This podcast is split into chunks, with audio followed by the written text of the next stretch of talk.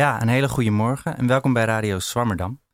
Uh, het idee dat de mens straks massaal op de vlucht moet voor gevolgen van klimaatverandering heeft aardig voet in de aarde. Maar hoe weet je precies of iemand een klimaatvluchteling is en waar gaan deze mensen eigenlijk naartoe? Daarom hebben we het vandaag over klimaatverandering en migratie. Mijn naam is Pelle Intema en naast mij zit Teuntje van Heesen. Uh, Teuntje, jij bent dit jaar aan een Master Migration Studies in Utrecht begonnen. Staat klimaatverandering en migratie al op het programma dit jaar? Um, nou, we, we, hebben wel iets kort besproken. En dat ging dan vooral over uh, de veranderende weersomstandigheden door klimaatmigratie. En wat voor effect dat heeft op de situatie in uh, vluchtelingenkampen vooral. maar nog niet echt in een, in een breder perspectief. Dus daar ben ik heel benieuwd naar vandaag. Ja, de gast is universitair hoofddocent en videoonderzoeker aan onderzoeksgroep Milieubeleid van de Universiteit Wageningen, Dr. Ingrid Boas. Ingrid, welkom. Dankjewel. Uh, het idee is dat er door klimaatverandering nu al miljoenen mensen zijn verplaatst en verwacht wordt dat er nog veel meer zullen zijn. Uh, wat kun je zeggen over die voorspellingen? Um, nou, die voorspellingen die zijn, er, uh, zijn er al uh, heel lang. De, de eerste voorspellingen die zijn gemaakt in 1995 door Norman Meijers. En later heeft hij dat nog wat meer bevestigd en nog wat verder versterkt in 2002. En uh, dat was een voorspelling dat er 200 miljoen uh, milieuvluchtelingen, noemde hij, dat, zouden zijn in, in 2050. maar die voorspelling is heel erg bekritiseerd, omdat hij bijvoorbeeld vooral keek van welke gebieden worden overstroomd door zeespiegelstijging. en um, dan helemaal van uitgaan dat al, al die gebieden en alle mensen die er wonen zijn dan per definitie klimaatvluchtelingen. En hij hield niet rekening met um, adaptatiemaatregelen of andere factoren die de toekomst kunnen veranderen. Of andere factoren waarom mensen uh, migreren of niet migreren. Um, dus eigenlijk die, die voorspelling is later ook, ook door de, het uh, intergouvernementele panel om, uh, over klimaatverandering, de IPCC, is ja. ook toen ook gezegd dat dat eigenlijk niet echt op iets gebaseerd was over de jaren heen ja, is het wel vaker weer geprobeerd, nog steeds vaker wel bekritiseerd. En nu de laatste is eigenlijk van de, de Wereldbank. Maar die, um, die heeft het dan uh, meer. Ja, in de, head, in de headlines zie je dat wat anders. Maar als je gewoon in, naar het brede rapport, rapport kijkt, zeggen ze gewoon dat er um, inderdaad 200 miljoen mensen in de context van klimaatverandering kunnen moeten bewegen in hun eigen land. Uh, dus dat is weer wat anders dan wat daarvoor ging het altijd over internationale eh, klimaatmigratie. Dus dat is weer een soort van nieuwe, nieuwe, nieuwe invalshoek. Ja. ja. En wat is dan een meer realistisch beeld van de impact van klimaatverandering op migratiestromen? Um, het is, nou, er is uh, steeds meer um, duidelijkheid en, en, zekerheid over dat er inderdaad een relatie is tussen uh, milieufactoren of, of, klimaatverandering en dat uh, mensen willen of moeten verhuizen. Uh, of, of, maar maar er is dus heel veel, tegelijkertijd heel veel inzicht over dat dat ook heel veel afhangt aan, verbonden is met allemaal andere factoren. Bijvoorbeeld Um, hebben mensen de connecties om ergens heen te gaan? Hebben ze de middelen om ergens heen te gaan? Of willen mensen überhaupt wel weg? Of, uh, want nu, we nemen heel vaak, heel vaak aan hier in Europa dat iedereen uh, weg wil en bijvoorbeeld naar Europa wil komen. Maar eigenlijk als je naar heel veel van die locaties gaat, zie je dat eigenlijk niet per se. Bijvoorbeeld in de kleine eilanden, bijvoorbeeld als Tuvalu en zo, die al vaak worden gezien als de plek waar de eerste klimaatvluchtelingen vandaan kunnen komen. Daar zie je dan juist door een tegenbeweging van de lokale bevolking. Van uh, uh, wij verdrinken niet, wij zijn aan het vechten. En we willen eigenlijk ons land beschermen en blijven en zoeken samen met de regering naar mogelijkheden om hun land eh, toch te kunnen beschermen. Omdat heel veel mensen zich heel erg verbonden voelen aan, aan waar ze zijn. Um, en tegelijkertijd um, zijn er natuurlijk ook daar veel mensen naar andere plekken gegaan. Maar dat heeft ook vaak te maken met uh, bijvoorbeeld kansen op uh, onderwijs. Uh, connecties die ze al in die zin hebben met bijvoorbeeld Amerika of, of Australië of Nieuw-Zeeland. Um, en zijn het dus vaak ook de wat armere kwetsbare groepen die vaak achterblijven. In, en in, in, die, in dat opzicht ook het meest kwetsbaar zijn voor, voor klimaatverandering. Maar tegelijkertijd niet heel erg de middelen hebben om, of, of de connecties hebben om ergens heen te gaan. Dus die aanname dat, er, dat iedereen een klimaatvluchteling wordt, ja, is, uh, staat een beetje los van de complexiteit van de realiteit eigenlijk. Ja, en je noemde net al die oproep van die eilandbewoners om uh, aan politici om, om, om gehoor te geven eigenlijk aan, aan, aan, aan hun, hun gevechten tegen de klimaatverandering en hen daarbij te ondersteunen. Hoe merk je dat dat op wordt gevangen in, in de politiek? Wat wordt daarmee gedaan? Um, ik denk dat um, je een beetje verschillende ehm, kanten daarin ziet. Wat meer gewoon op, op politiek niveau. dus als politici iets zeggen of, of als uh, dan uh, luisteren ze denk ik daar minder naar. Dan wordt er meer gezegd van we uh, dan wordt er meer gezegd pas op te komen, komt misschien wel massale klimaatmigratie of klimaatoorlogen. Want en dat moeten we willen voorkomen. Dus we, dus we zeggen dat ook. Ze zeggen dat vaak ook in de context om uh, aandacht te trekken dat we nu meer moeten doen aan uh, mitigatie. Dus natuurlijk op zich een, een, een nobel doel. En, um, ja, want je noemt, en, en dat, je noemt mitigatie? Ja, dus het reduceren van de uitstoot. Mm -hmm. en, en, en vaak wordt daar, is een strategie om, om anderen over te halen om dat meer te laten doen, om te, te laten weten wat de gevolgen kunnen zijn als we dat niet doen. En dan het noemen van vrij extreme gevolgen, zeg maar. Om andere staten of, uh, of andere ja, mensen over te halen van... hey, het is echt belangrijk. Alleen het gevolg is dat het niet per se... Het op, op die manier neer te zetten niet per se heel nuttig is... voor de mensen die nu al problemen ervaren met klimaatverandering... en nu al uh, de hele tijd bijvoorbeeld een stukje moeten opschuiven omdat het water dichterbij komt of nu al te maken hebben met droogte, maar niet per se uh, willen migreren of, of um, steeds een klein stukje moeten opschuiven of naar de stad gaan, maar ook proberen terug te keren. Die hebben eigenlijk nu um, ook hulp nodig en willen gehoord worden, maar op een manier dat past uh, bij wat, wat zij nodig hebben en hun lokale mobiliteit. En, um, en maar je ziet dus wel dat bijvoorbeeld uh, organisaties als Internationale Organisatie voor uh, Migratie of uh, andere bepaalde takken van de VN, die horen dat wel en die zijn er wel mee bezig. Um, om, juist veel meer te kijken naar uh, de diverse gevarieerde manieren waarop mensen getroffen worden door klimaatverandering. En dat mensen verschillende mogelijkheden hebben om daar iets aan te doen. En ook bepaalde zelf hele goede ideeën hebben en veel kennis hebben van hun gebied. Dus, voor, uh, dus ik werk bijvoorbeeld ook samen met, um, uh, met de VN-organisatie die meer met mensenrechten doet. En die zijn daar bijvoorbeeld heel erg mee bezig. Maar ook internationale organisatie voor migratie. Dus dat, maar die zijn in de praktijk daarmee bezig. En die luisteren daar, daar wel naar, heb ik het idee. Het is dus een beetje verschil tussen een soort van het politiek en het, en het proberen aandacht te trekken voor klimaatverandering. Dat we nu actie moeten nemen voor het uh, reduceren van onze emissies. En de praktijk van hoe we nu al mensen moeten helpen die worden getroffen door klimaatverandering. Die eigenlijk een wat andere aanpak uh, nodig hebben. In, in, uh, uh, die heel erg specifiek naar hun situatie kijkt eigenlijk. Ja, ja en, en je begon je onderzoek meer met, met, met de analyse van het politieke discours. daarna ben je eigenlijk meer op veldwerk gaan richten, onder andere in Bangladesh. Waarom is Bangladesh zo'n goede case study voor klimaatvluchtelingen? Um, ja, ik ben dus, omdat uh, Bangladesh wordt vaak naar voren gehaald als, uh, het, het, net als die kleine eilanden, als het land waar uh, die het meest getroffen wordt en de meeste mensen potentiële klimaatvluchtelingen zouden zijn. Um, ik denk wel goed is, ja, misschien is dat een los vraagstuk, maar dat ik het woord klimaatvluchtelingen eigenlijk niet. niet ja, dat is interessant om, om, om, om op in te gaan, want dat is eigenlijk een van de vragen waar ik ook mee wilde maar, beginnen wat dat verschil is tussen een klimaatmigrant of een vluchteling. Waar, waar moeten we het dan misschien over hebben? Ja, dus misschien is het goed. Kijk, ik begon in mijn onderzoek uh, in 2007. Toen heb ik uh, samen met uh, Frank Bierman de, term klimaatvluchteling geïntroduceerd. Eigenlijk met het idee, een beetje net als die politie in bepaalde zin, ook om, om aandacht te trekken voor het probleem. En het is echt een belangrijk probleem. En mensen hebben hulp nodig en het is onrechtvaardig als we mensen laten zitten.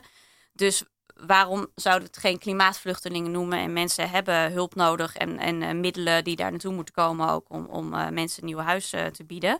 Maar er is toen eigenlijk heel veel weerstand tegengekomen tegen die term. ehm, vanuit internationale organisaties, meer vanuit ja, dat, dat het, ehm, maar, maar misschien belangrijker ehm, is om, dat het ook door groepen die dan klimaatvluchtelingen zouden zijn, zoals in de kleine eilanden, die wilden niet zo genoemd worden. Van uh, hey, wij zijn geen passieve slachtoffers. Uh, wij willen meepraten. En vluchteling krijgt een soort van connotatie dat je een soort slachtoffer bent. En daarnaast, wij willen helemaal niet weg. Wij willen eigenlijk blijven. En de aandacht moet ook daarvoor zijn. Sommigen willen wel weg hoor. Het is niet uh, het een of het ander in dat opzicht. Maar er is dus, moet dus aandacht zijn voor de verschillende manieren waarop mensen willen of moeten bewegen en wat ze kunnen. En, um, um, en daar past de term klimaatvluchteling niet helemaal bij. Ook omdat het gevolg was vaak dat het werd opgevat als oh, de, uh, een soort van connectie wordt gemaakt met massamigratie. En er moeten uh, strengere grenscontroles. In plaats van wat kunnen we nou doen om, om die, uh, de getroffen groepen beter te helpen.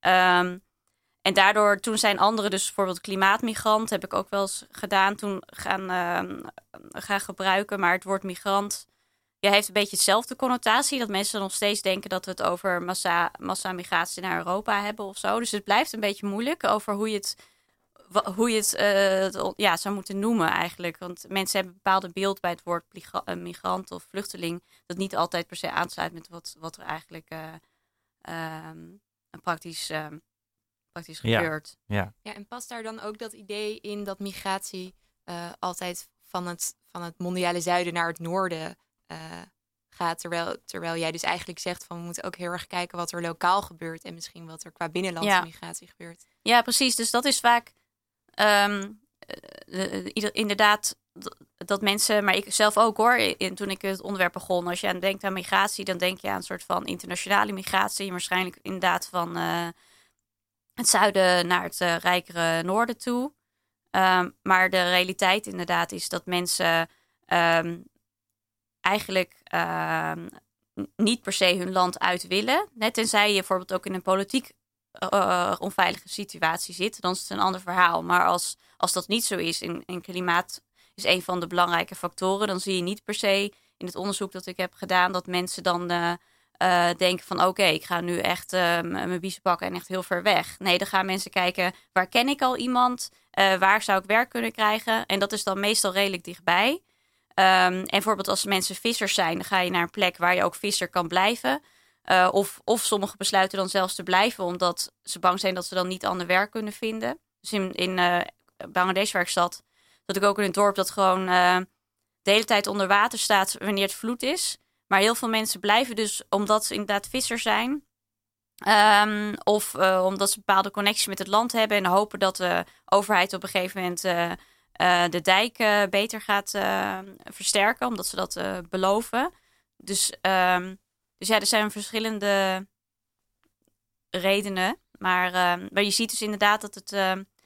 mensen gaan eigenlijk pas naar een ander land. Bijvoorbeeld als je in Bangladesh kijkt naar het gebied dichter bij de grens met India daar zijn al door de geschiedenis heen, um, omdat vroeger dat uh, één gebied was, voordat het, uh, het einde van de um, koloniale ja, tijdperk. De, ja, de koloniale tijdperk.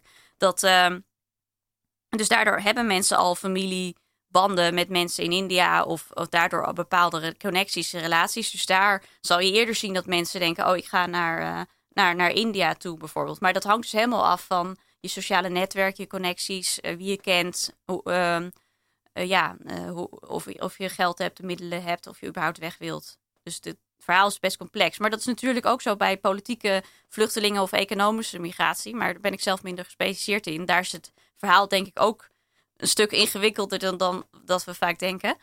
maar dat zie je dus heel sterk zo met klimaat en migratie. Juist omdat ook de meest arme groepen op dit moment het hardst getroffen worden. Ja. ja, en je noemde al even ja. dat je zelf ook uh, heel erg vanuit die logische redenatie uh, je onderzoek bent begonnen.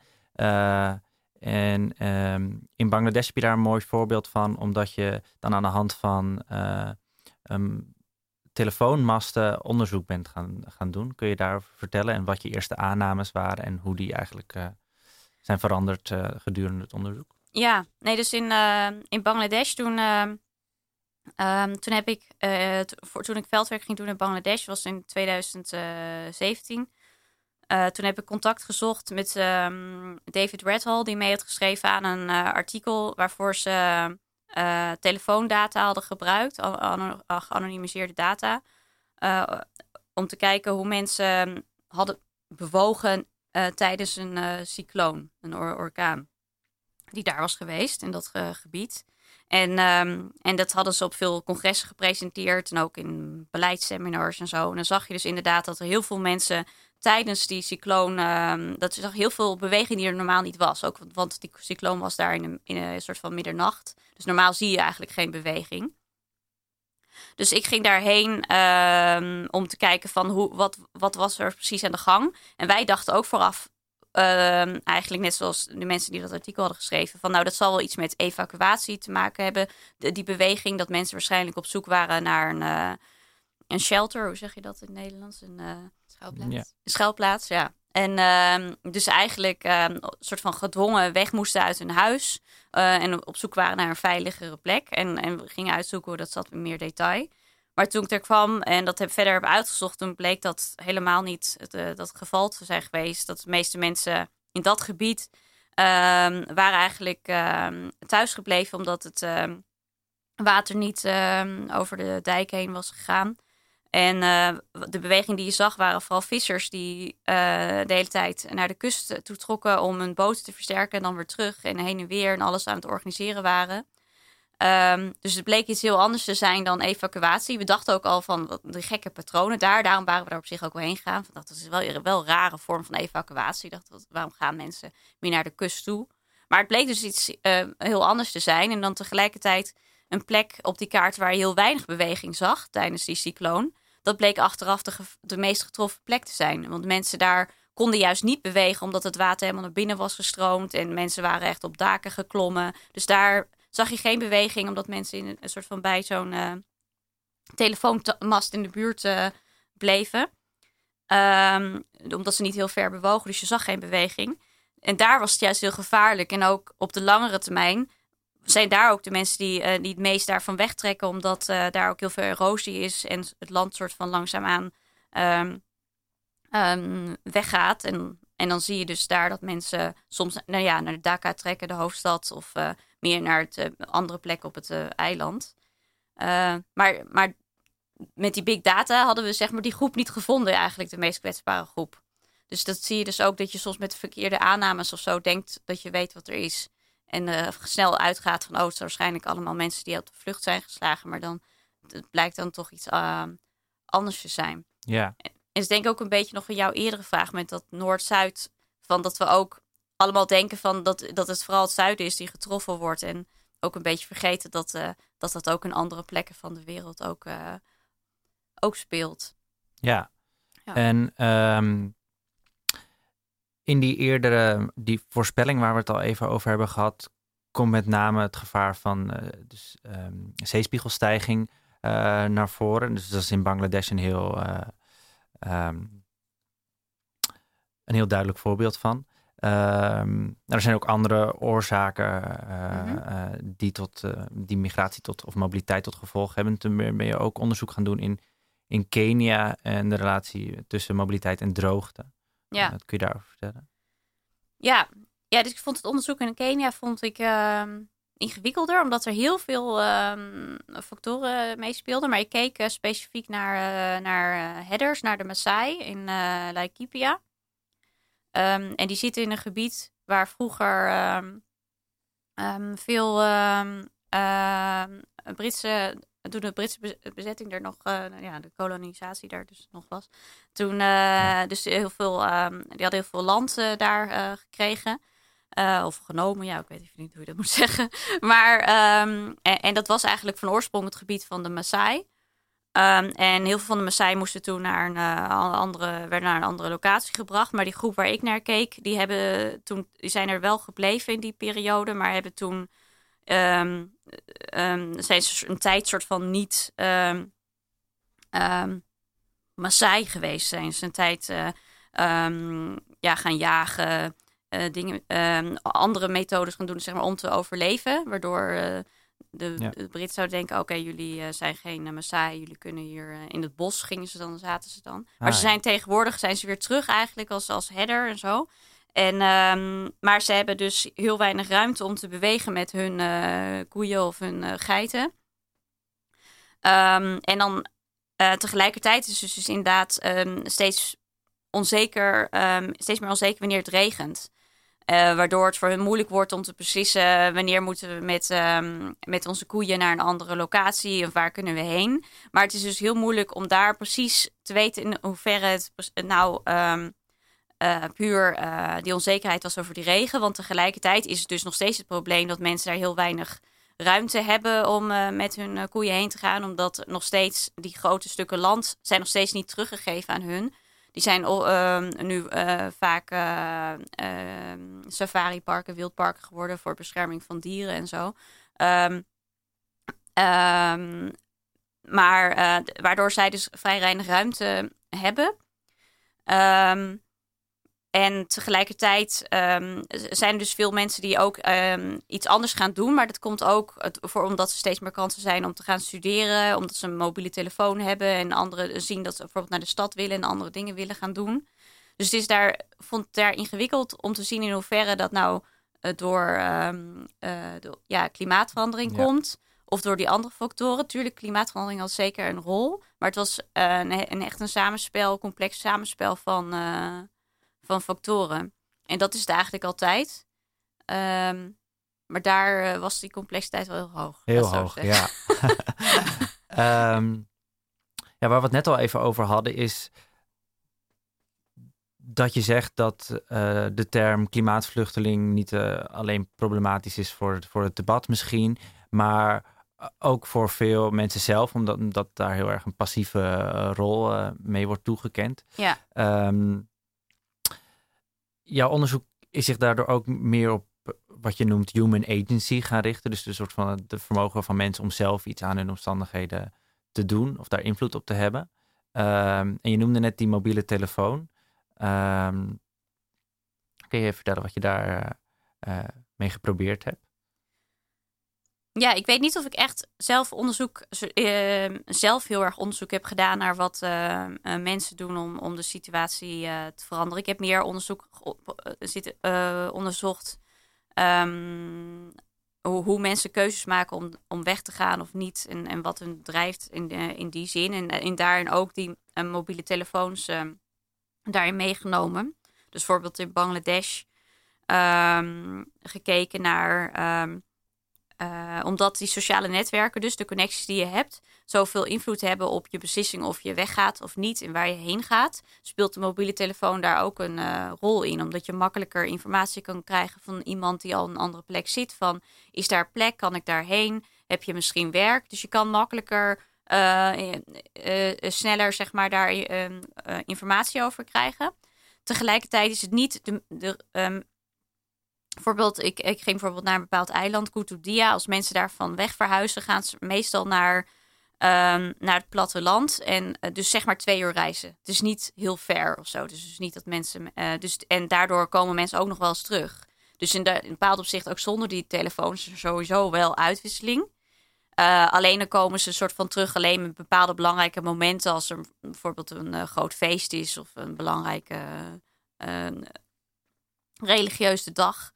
Ehm, waardoor die telefoon kan je veel eh, makkelijker schakelen en ook makkelijker connecties houden met ehm, een plek waar je denkt, oh, daar zou ik mogelijk misschien naartoe eh, willen verhuizen. Ik, ik volg bijvoorbeeld een vrouw in uh, Kutubdia, die woonde in dat gebied waar het huis de hele tijd onder water staat. En zij wil eigenlijk graag met haar familie ehm, naar, naar dat dorp op dat vasteland, waar ze al mensen kent.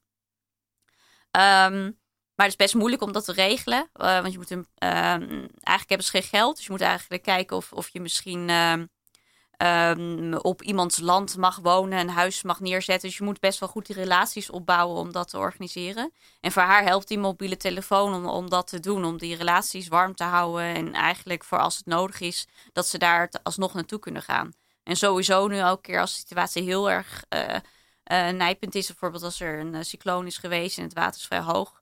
Um, um, dan gaan ze bijvoorbeeld daarna gaan ze dan een tijdje stuurt ze haar kinderen daar naartoe. ehm, tot de situatie weer veiliger is. En op die manier helpt die telefoon eigenlijk eh, bij die beslissingen voor, ehm, ehm, ja, om te blijven, hoe het te organiseren en, en dergelijke. Maar daar in Bangladesh hadden ze nog niet zo heel veel met sociale media. Heel veel mensen konden nog niet lezen en schrijven in, uh, in die gebieden waar ik zat. In Kenia was dat, uh, was dat, was dat een heel anders. Maar goed, ik weet niet of we daar tijd dus weer. Uh, ja, daar verhaal. Daar, dus, uh, maar daar hebben we wel even tijd voor, want je hebt een hackathon georganiseerd in, in, in Kenia, ook in Bangladesh. Oh ja, allebei ja. Om, om apps te maken, om, om waarmee oh, mensen ja, dat zich... heb ik wel gedaan, inderdaad. Ja. ja. ja, nee, dat klopt. Ja, maar dat is wel, ja, dat, uh, wat we hebben gedaan is, um, hebben we dus mensen uit, um, in Kenia was het, waren, hebben we dus die headers samengebracht met appontwikkelaars. Uh, uit uh, Nairobi en, uh, en studenten en, en, en jonge professionals, zeg maar. om te kijken of we bepaalde apps kunnen ontwikkelen die de Maasai kunnen helpen met bijvoorbeeld krijg, informatie kunnen krijgen over um, waar, um, waar, waar, kan je heen met, met je koeien op een bepaald moment. Of, of, of juist apps die helpen filteren wat het belangrijke informatie is. Want er is al heel veel uitwisseling in Kenia via WhatsApp en zo. Maar juist zoveel, er zijn zoveel groepen en mensen dat je het soms moeilijk is te, weten wat de belangrijke informatie is. Of, of bepaalde apps, dat was ook in Bangladesh meer de focus. Voor um, mensen die dus niet kunnen lezen en dan dus die informatie juist niet meekrijgen. Dus hoe kan, kunnen zij op een bepaalde manier wel gekoppeld worden aan de belangrijke informatie die wordt gedeeld. Dus dat hebben we inderdaad gedaan in Bangladesh en, en, uh, en in Kenia. en in Bangladesh was het meer met ehm, met studenten van verschillende universiteiten van, uh, uit, uh, uit Bangladesh. Uh, het is niet zo ver gekomen dat het echt een app is die op de markt staat of zo. Het was meer um, een manier om uitwisseling te creëren tussen die verschillende groepen in de maatschappij. En, en ook meer begrip voor elkaar te krijgen. Uh, dat is wel interessant, want zelfs ook in Bangladesh heb je dat ook. Dat die studenten uit Dhaka bijvoorbeeld, die praten over de mensen in die getroffen groepen als uh, de needy of zo. Of de, de poor en de needy, uh, de needy people. Uh, ook een beetje van, ja, bepaald opzicht een beetje denigerend of zo. En alsof die ook niet weten wat er aan de hand is en dat zij moeten helpen. Terwijl uh, zij ook heel veel, de mensen die in die getroffen gebieden zitten, ook heel veel kennis hebben. En juist die zitten in die getroffen gebieden. Dus die hebben heel, weten heel goed wat er speelt en hoe het er vroeger uitzag en hoe het er nu uitzag. Dus ook, dat was ook nuttig om die eh, verschillende groepen bij elkaar uh, te brengen en elkaar van elkaar uh, te leren. Ja, want dat is eigenlijk misschien een beetje in het klein de, de, de Noord-Zuid-relatie, ja. zoals, die, zoals wij die ja. vaak in het politieke, en, het politieke debat zien en in, in het nieuws. Ja, want daar, daarover gesproken, die, uh, want je zei net een beetje van, nou dat, dat Noord-Zuid patroon, dat is niet zo simplistisch, maar zijn er wel uh, andere lokale patronen die je wel zou kunnen vaststellen? Ik kan me bijvoorbeeld voorstellen dat de agrarische sector uh, sterker wordt getroffen of misschien directer wordt getroffen door klimaatproblematiek. En zie je dan bijvoorbeeld wel een patroon van um, meer landbouwgebieden naar steden en dat die steden steeds gaan groeien? Of is dit eigenlijk ook weer een te simplistisch patroon? Mm. Ik heb niet zo zelf, zelfzeer naar, naar, naar um, landbouw gekeken, maar je ziet wel, dus bijvoorbeeld in Bangladesh, maar het is niet per se om te koppelen aan klimaatverandering, uh, dat er dus heel veel erosie uh, is. Maar dat is er altijd al, want het is een heel dynamisch uh, gebied. Um, maar door die, die erosie, en dat is een beetje hetzelfde als met zeespiegelstijging, dat echt land weggaat dan zie je dat mensen wel echt ja, moeten verhuizen. En op een gegeven moment zie je dat er dus geen plek meer is op de lokale dijk. Waar mensen dan. Uh, voor die duikers schrijft bijvoorbeeld ook steeds een beetje op. Want daar kunnen mensen gratis hun huis bijvoorbeeld weer opbouwen. Um, dat is op een gegeven moment vol. En dan gaan mensen wel denken: oh, uh, zou ik naar de stad gaan waar ik ook misschien werk kan krijgen? Dus dat, dat zie je wel inderdaad, dat er een patroon is in die zin met uh, trekken naar de steden toe. En dat is er maar dat is niet een patroon die per se komt door klimaatverandering. Die, die zie je dus al heel lang gaande. Mhm. En klimaatverandering speelt daar zeker in mee.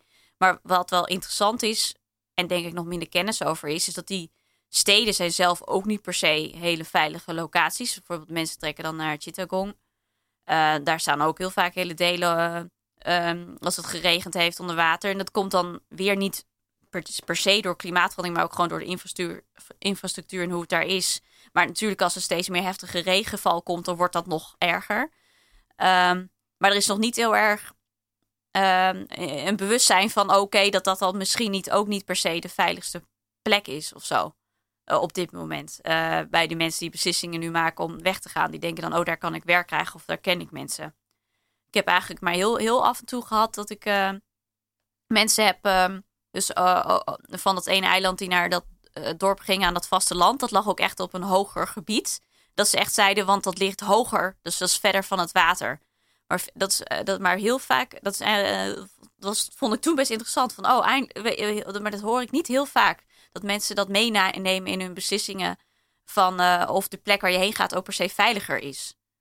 Misschien wel nu, maar over tien jaar is dat niet per se, niet per se zo. Dat vond ik Zentaka ook interessant. De mensen daar zich dus heel erg praten over de needy people in de kwetsbare gebieden, maar niet heel erg bewustzijn hadden over hun eigen kwetsbaarheid ten opzichte van uh, klimaatverandering. Maar inderdaad, je ziet nu wel een trek naar de stad, daar in die, in die en, in die uh, plekken in ieder geval. En in, in Kenia is het een beetje anders, omdat uh, waar ik keek naar die headers, die willen graag blijven bewegen. Dus als die naar de stad gaan, doen om, dan, um, het is niet dat ze dat helemaal willen loslaten of zo. En die hebben zo'n mobiliteit in hun identiteit en willen dat ook graag op een bepaalde manier houden. Dus het ligt ook heel erg aan in dat opzicht naar welke type groep um, je kijkt. Je kijkt ja. ja. Nou, voor we verder gaan, gaan we eerst even luisteren naar de, naar de column. Uh, die is deze week verzorgd door Aafke Kok. Aafke is wetenschapsjournalist en afgestudeerd in de psychobiologie. En ze legt in haar column de link met het dierenrijk. Klimaatmigratie. Boombladeren gaan straks eerder vallen. Hagedis ontwikkelt koude tolerantie. Voortplanting koraal ontregeld. Alpenplanten gaan uitsterven. Zombiebranden in noordelijke bossen. Vallende insecten veroorzaken domino-effect. Verbleking laat sporen na. Meer stress bij noordelijke zeevogels. Zomaar een paar nieuwskoppen in het vakblad voor biologen van de afgelopen twee jaar. En dat zijn dan nog de berichten die de krant halen. Ik denk dat we nieuwspagina's met gemak compleet zouden kunnen vullen met verslag van onderzoek naar effecten van klimaatverandering op dieren en planten. Dat we dat niet doen, komt eigenlijk omdat het al bijna geen nieuws meer is.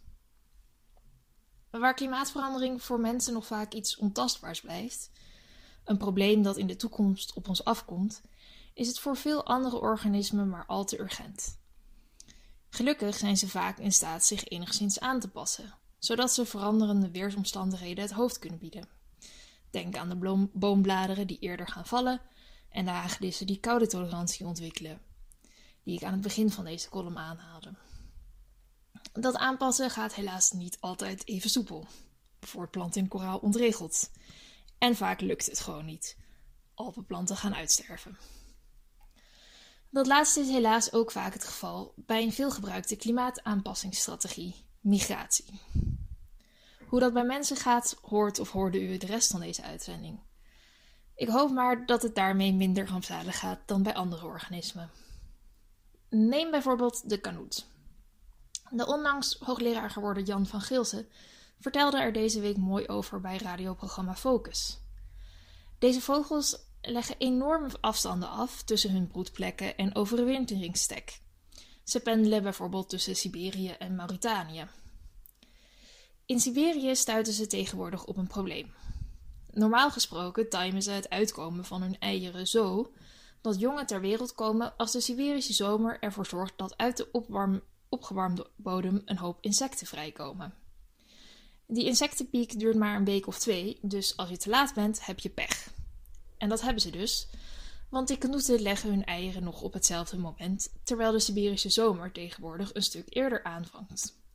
Gevolg: de kleine kanoetjes groeien niet goed, hun snavel blijft kort en in Mauritanië kunnen ze vervolgens niet meer bij hun voedsel, want de snavel is niet lang genoeg om schelpdieren uit de badbodem te vissen. Voorheen, bij eerdere temperatuurschommelingen, legden kanoeten hun eieren gewoon wat noordelijker. Deze vorm van klimaatmigratie is nu echter onmogelijk. Ze zijn al aan de rand van de ijsplaat beland. En op ijs kunnen ze niet broeden. Ze zijn zelfs al bovenop de heuvels gaan zitten om het toch nog ietsje kouder te hebben. Het eindpunt is bereikt en volstaat niet. Van een mislukte klimaatmigratie kunnen we ook zeker spreken bij zeebodemdieren in de kustregio tussen Massachusetts en North Carolina. In een volwassen stadium zijn zulke dieren, denk aan zeesterren, mossels, zeeslakken, niet echt in staat tot migratie. Maar als larven kunnen ze flinke afstanden afleggen. Daarvoor zijn ze wel afhankelijk van zeestromen, want zelf zwemmen ze niet zo hard. Helaas komen die larven tegenwoordig steeds vroeger in het jaar ter wereld, omdat zeetemperatuur, die aan het stijgen is, het paaimoment bepaalt. Zo vroeg in het jaar staan zeestromen echter de verkeerde kant op, zodat de zeebodemdieren juist steeds zuidelijker in warm water terechtkomen. Natuurlijk zijn er ook genoeg succesverhalen van dieren die dankzij het klimaat migreren. Veel exoten zouden zich niet in Nederland hebben kunnen vestigen zonder klimaatverandering. Helaas is dat niet altijd goed nieuws voor mensen. Denk aan tropische muggen die ziektes als het West-Nile-virus meebrengen of bijvoorbeeld de jeuk veroorzakende eikenprocessierups. Het is om moedeloos van te worden. Ook ik heb helaas geen ultieme oplossing om de mensheid ervan te overtuigen nu eindelijk eens echt iets te doen aan klimaatverandering. Maar om deze column toch nog een beetje positief af te sluiten, heb ik wel een tip voor wie ook met klimaatfrustratiegevoelens kampt. Ga naar de tentoonstelling Red het Bos in Museum het Valkhof in Nijmegen. Ook geen ultieme oplossing, maar daar zijn dit soort gevoelens tenminste nog in mooie kunst gevat. Ja, het dierenrijk. Um, we hebben het net uh, gehad over, jou, uh, over jouw veldwerk. Toch is de kritiek die vaak op uh, jouw onderzoek wordt geleverd, of tenminste de kritiek, wat je vaak hoort, heb je mij verteld, is dat mensen toch dat bepaalde verhaal verwachten over klimaat, migratie en uh, klimaatverandering en migratie. Uh, dan is toch daar de, de, de nood om die big data over klimaatverandering te combineren met dat veldwerk. En daar gaat jouw nieuwe onderzoek over. Ja, ja. Um, dus misschien mag ik nog heel even eentje dingetje zeggen over die patroon. En dan, uh, dan, dan, dan, kan ik daar even antwoord geven. Ik wou nog even zeggen, dat bedacht ik me net, dat uh, uh, twee patronen die in ieder geval wel veel is onderzocht. Dus, dus je hebt in klimaatverandering, je hebt sudden onset events. Dat zijn de, de impacten die er plotseling zijn en best wel heftig zijn. Bijvoorbeeld een orkaan of zo, cycloon. En dat, ehm, waar in ieder geval klimaatverandering een factor in in is. En, en je hebt slow onset events die langzaam opkomen en steeds erger worden, maar heel gradueel. soort van eh, dus, zeespiegelstijging bijvoorbeeld. En uh, veel onderzoek laat dus zien dat met die sudden onset events, dat mensen dan vaak daarna weer proberen terug keren. Dus dan, dat, dan is het kapot en dan ga je proberen weer te repareren. Eigenlijk ook een beetje wat je bijvoorbeeld in, in Limburg ziet.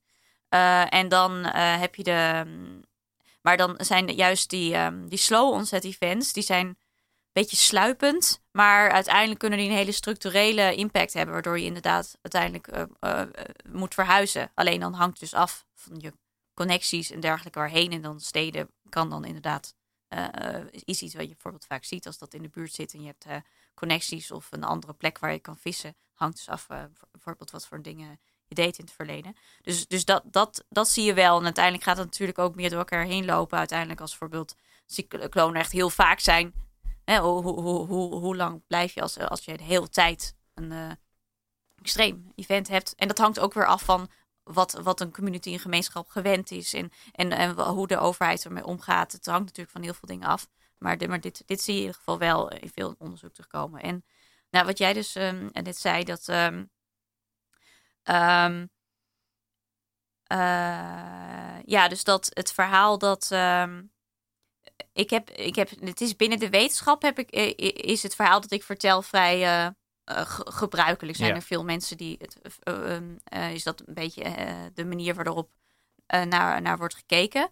Maar inderdaad, ehm, in relatie tot de media of, of politiek of beleid, zijn mensen vaak meer geïnteresseerd inderdaad in, maar hoeveel komen er nou, mensen komen er nou naar Nederland toe of, of, of dergelijke in die context. Maar uh, dat hangt ook wel weer af van als je met bepaalde VN of uh, andere internationale organisaties juist heel erg gericht op het helpen van getroffen communities, dan is het niet zo. Die zijn juist heel erg in lijn met het onderzoek dat ik doe.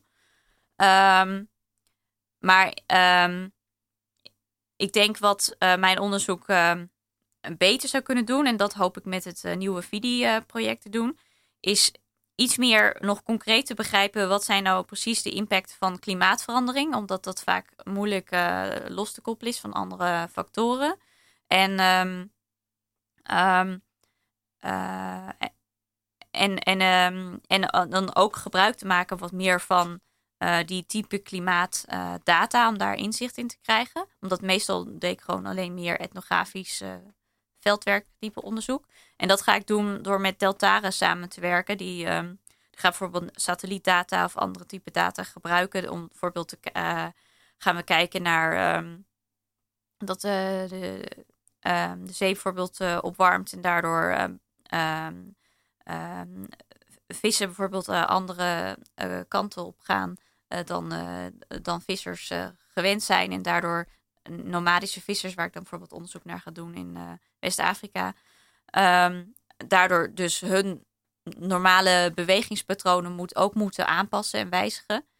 Dus dan gaan we koppelen met data die zij dan hebben, bijvoorbeeld over uh, temperatuur van de zee en veranderingen daarin. En de informatie die vissers geven over wat zij ervaren. En uh, dat aan elkaar te koppelen en ook te kijken waar ervaringen, lokale ervaringen, bijvoorbeeld anders zijn dan wat, um, wat je haalt op basis van bijvoorbeeld satellietdata. Um, en dat het gaan bijvoorbeeld ook in Bangladesh doen. Dus een beetje voortbouwend wat ik ook al wel heb gedaan met hun. Um, omdat als je bijvoorbeeld puur naar die satellietdata kijkt, dan kan je bijvoorbeeld ook denken: oh, hier is zeespiegelstijging geweest. Of want dit deel is uh, overstroomd of zo. Of, uh, maar als je dan met die mensen praat, kan het zijn dat het eigenlijk bewust open was gezet. Omdat mensen bijvoorbeeld dat er um, garnalen worden gekweekt of, of dergelijke. Dus het is soms niet helemaal duidelijk als je iets ziet op bepaalde beelden wat het eigenlijk is in de praktijk. Dus we willen eigenlijk dat meer aan elkaar koppelen om een beter beeld te krijgen van wat er precies aan de hand is. Um, en hopelijk kan dit dan ook uh, bijdragen inderdaad aan, uh, aan, aan, meer van het onderzoek dat ook naar de, de toekomst en dergelijke kijkt. Ja. Uh, maar, maar mijn onderzoek gaat wel meer over het, het heden. Ja, precies. En ja. En dan toch daar de link leggen tussen klimaatverandering. Want, want ik zat me inderdaad ook af te vragen. In hoeverre maakt het voor jouw onderzoek uit of het gaat om, om milieuverandering, dus om de verandering van een omgeving, of, of die echt door klimaatverandering is? Ja, in mijn vorige onderzoek heb ik, uh, maakte me dat in Bangladesh keek ik gewoon breder naar milieuverandering. Ehm, ehm, en dan vond ik het daarom dus ook belangrijk om naar die erosie te kijken en wat voor impact dat had uh, op of mensen weggaan of niet. Maar natuurlijk is het moeilijk om het helemaal los van elkaar te zien. En geeft het ook een indicatie over hoe mensen in, de, als, als uh, bijvoorbeeld steedspiegelstijging erger wordt, over hoe mensen dan gaan bewegen. Maar um, omdat ja, het is gewoon heel moeilijk om het uit elkaar te halen. En in een nieuw project ga ik, probeer ik daar meer aandacht aan te geven door die samenwerking met Deltaris. Maar zelfs dan blijft het natuurlijk wel moeilijk. Uh, het, ligt heel erg aan, aan de klimaatimpact. Bijvoorbeeld zeespiegelstijging is soms bijvoorbeeld wel duidelijk. Uh, is het wel duidelijk, maar met, met uh, als een bepaalde plek droog wordt, uh, kan er soms ook andere oorzaken zijn. Ehm, voor, met watergebruik of, of andere. Dus dat, dus, maar, maar zij hebben dan verschillende type data daar, waardoor we daar een beter beeld van kunnen krijgen wat nou precies de, de oorzaken zijn. En ook met mensen te praten, ook over hoe zij zien dat het, het gebied voor hun is veranderd uh, over de tijd heen. Dus eigenlijk door die, die verschillende type data, de kwalitatieve en de kwantitatieve data, zeg maar, aan elkaar te koppelen, proberen we daar een sterkere beeld uh, over te krijgen over hoe lokaal op bepaalde plekken waar we dan onderzoek doen, um, de veranderingen worden ervaren en wat, wat zij zien als de oorzaak daarvan en in hoeverre daar klimaatverandering dus een rol in speelt. Ja, want praten mensen daar veel over klimaatverandering? Merk je dat? Um, het ligt een beetje aan waar. In Kenia best wel veel. Ehm, maar daar zijn, waar zijn mensen ook hoger uh, opgeleid. Uh, in Bangladesh um, uh, minder in, de, in die getroffen gebieden. Maar, maar mensen zien wel dat, er, dat hun omgeving verandert. Dus je hoeft er niet per se klimaatverandering over te noemen. Maar je kan met hun over hebben van hoe hun omgeving verandert en wat ze ervaren en waardoor en, hoe, uh, en hoe zij dat zien. Ehm, maar ehm, ik denk wel, ja, maar zelfs daar zijn daar ook NGO's die daar kwamen en over klimaatverandering uh, vertellen. Dus, dus steeds meer mensen weten het wel. Ja, ja. Um, we hebben het nu eigenlijk heel veel over die risicogebieden gehad. Uh, Kenia, uh, Bangladesh. Mm je zei het net ook al, in Bangladesh hoor je dan de mensen uit de stad al spreken over de, de needy. En wij hebben het ook vaak over ja, toch wel de mensen in risicogebieden ja. uh, als minder bedeeld. En eigenlijk is de link met Bangladesh in, in, in, Nederland niet zo moeilijk te leggen. We liggen alle twee onder, onder zeeniveau. We hebben erg uh, overstromingen in Limburg gehad afgelopen zomer. Zie je de connectie ook daar? Um, in, uh, met, met Limburg bedoel je? Ja, en in de zin dat mensen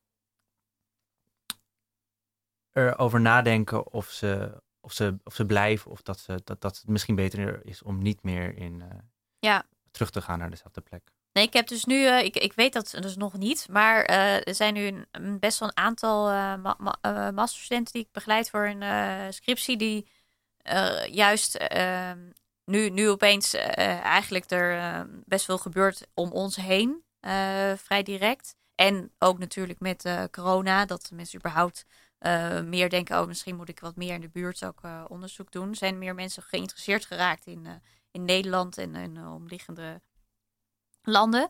Dus, ehm, dus er zijn nu een aantal studenten die juist ook in Limburg willen kijken en precies dus willen kijken van de ene kant hoe ging die wat gebeurde er tijdens uh, de overstromingen? Waar moesten mensen naartoe en, hoe, ging dat? En, maar ook uh, beslissingen op de lange termijn. Dus je ziet eigenlijk heel vergelijkbaar met in, Bangladesh bijvoorbeeld. Dat na een uh, overstroming of een soort ramp dat mensen terugkeren naar huis. Dat de mensen het weer willen opbouwen. Want je wil ook eigenlijk niet per se weg. Um, maar het is interessant om te kijken van wat, wat doet dat met beslissingen over de langere termijn.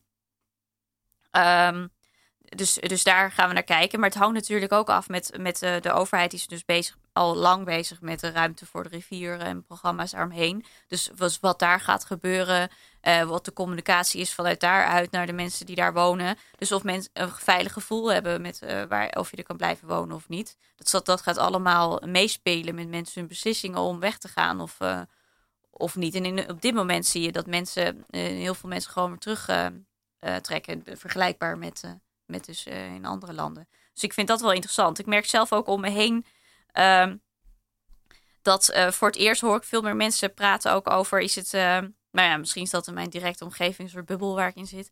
Met of het veilig is in Amsterdam en of vooral Watergraafsmeer bijvoorbeeld. Ja, zeker. Dan moet je daar wel een huis willen kopen. En dat soort dingen hoorde ik nooit vijf jaar geleden. Dus op zich vind ik, denk ik wel voor het van, oh, het is wel een interessante ontwikkeling dat er wat meer bewustzijn komt, ook gewoon hier over, over, over beslissingen uh, met mobiliteit in relatie tot klimaatverandering. En ik denk wel dus hoe meer ook rijkere groepen getroffen worden, dat je dan weer ook weer andere vormen gaat zien. Bijvoorbeeld als ik, als er hier in Amsterdam iets gebeurt en ik wegga, zou het best kunnen zijn dat ik dan besluit om naar het buitenland te gaan, omdat mijn werk is best internationaal. Dus voor mij is het misschien makkelijker om een andere baan dan te vinden of iets eh, in het buitenland. Dus dat hangt dus wel af van je eigen connecties en je netwerk. En wat, ja, dus, dus daardoor is het niet zo heel moeilijk. Uh, heel, ja, is het best moeilijk om te zeggen van oké, er komt nu een massale stroom allemaal uh, naar Duitsland of zo. Of weet ik, ik weet niet precies. Het is, dat, dat, dat is veel meer afhankelijk van de, ja, de, de, de, sociale netwerken en de middelen en zo waar mensen in zitten. Ja. En, uh, ja. Zou je nu uh, op dit punt staat die onderzoek. Zou je nog zeggen dat die, die, die, die nummers en die cijfers, kunnen, mhm. kunnen we daar nog eigenlijk iets mee met de toekomst? Moeten we die helemaal, uh, moeten we die negeren? Of, of? Ja, ik vind het ingewikkeld. Want ik, want ik geloof best wel, de, wat, hè, wat de Wereldbank zegt, dat er uh, eh, 200 miljoen uh, mensen getroffen door vanwege klimaatverandering moeten bewegen in hun eigen land. Dat geloof ik best wel. Ik bedoel, er zijn nu al hartstikke veel mensen die met, door klimaatverandering de hele tijd een stukje moeten opschuiven. Of het is in ieder geval deel van de redenen uh, om, om, om nu naar de stad te trekken. Of, of dus vooral in Bangladesh vooral veel mensen die de hele tijd hun huis een aantal meter moeten opschuiven. Dus in dat opzicht geloof ik dat heus wel dat het heel veel mensen zijn. Um, ik, ik, ik vind het uiteindelijk. Maar ja, dat is een beetje dus wat het doel daarvan is. Hè? Waarschijnlijk is het, doel. Ik, um, ik kan, Ehm, ik, ik heb tot nu toe nog niet gemerkt in het verleden dat het heeft geholpen om meer aandacht te trekken voor de specifieke problemen die die mensen hebben. Die mensen die nu de hele tijd moeten opschrijven, die, niemand komt daar om hun te helpen. En, ehm, en ik weet niet of het gaat helpen om, om te zeggen van dat er miljoenen mensen klimaatmigranten kunnen uh, worden. Om, om specifiek hun te helpen. Of dat het meer gaat leiden tot. Oh, oh, er komen misschien nog meer migranten. Oh, wat moeten we daarmee? Dus het heeft tot nu toe nog niet echt. Het, het heeft een beetje een tegengesteld effect. Ja, voor, het, uh, voor het creëren voor meer steun en hulp voor die specifieke. Uh, voor de echte mensen die eigenlijk echt uh, nu al moeten verhuizen de hele tijd. Ja, want ik vroeg je in het voorgesprek al: is het doel dan daarvan vooral om klimaatmaatregelen in Europa zelf een extra duw te geven? Ja, ik denk dat dat vaak ehm, een doel is. Um, maar ja, ik denk, ik denk dat dat vaak een, eh, een, een deel is. En natuurlijk uh, ook om meer adaptatiemiddelen vrij te krijgen en geld om, uh, voor landen om, om zich te kunnen aanpassen aan klimaatverandering. Dus, dus ik, ik kan me voorstellen dat het een doel is, zodat er in de volgende Conference of the Parties um, dat, in, in, dat alle landen samen gaan komen om verder te gaan praten over reductie en uh, adaptatie en geld daarvoor te hebben, dat het daarvoor naar voren komt. En ik snap dat dat, hè, dus misschien kan dat ook best werken. Alleen ehm, heb ik nog niet zo heel erg gezien dat het op dit moment ook echt de mensen daadwerkelijk helpt die getroffen worden door, door klimaatverandering. Het creëert eerder een soort angst of zo ten opzichte van migranten. Ja, ja, want ons grensbeleid is, is, is, is, is daar waarschijnlijk ook door, uh, wordt daar ook door beïnvloed. Ja. Um, zie je dat nog niet zozeer een directe uh, link? Ik denk dat dat is. Um, er zijn. Um, ik denk dat het er een, een, een, een rol uh, kan spelen, maar je ziet meer dat er Ehm, je ziet bijvoorbeeld wel dat er daardoor bijvoorbeeld ehm, geld vrijkomt vanuit de Europese Unie om te kijken van hoe kunnen we zorgen dat mensen niet hier komen? Hoe kunnen we problemen daar voorkomen zodat ze niet hier naartoe komen? Maar er zit het nog steeds heel erg de aanname, want anders komen ze hier, hier naartoe of zo. Dus is elke keer die redenering zit er een soort van achter. Maar dat, dat, zie je wel uh, op, opkomen. En ik, er is wel onderzoek over of het uh, een rol speelt in, in grenscontroles of niet. Maar dat is nog een beetje in een beetje in beginnende fase, zeg maar. Ik zou niet zeggen dat er heel duidelijk bewijs al over is. Ja. Um, dan denk ik dat we zo langzamerhand aan het einde van, uh, van de uitzending uh, zijn beland. Uh, Ingrid, dankjewel voor je komst. Uh, ja, het blijft, het blijft een ingewikkeld onderwerp, maar het is heel goed dat we nu hebben gezien wat voor wat voor verschillende contexten uh, we eigenlijk allemaal uh, kunnen bestuderen om een beter uh, begrip te krijgen van waar mensen naartoe gaan en om welke redenen. Ehm, ja, ik hoorde Tune al. Ingrid, hartelijk dank voor je komst. En um, ik wil graag Teuntje bedanken als co-presentator. De techniek werd vandaag verzorgd door Joost Ingenhoes. Bedankt daarvoor.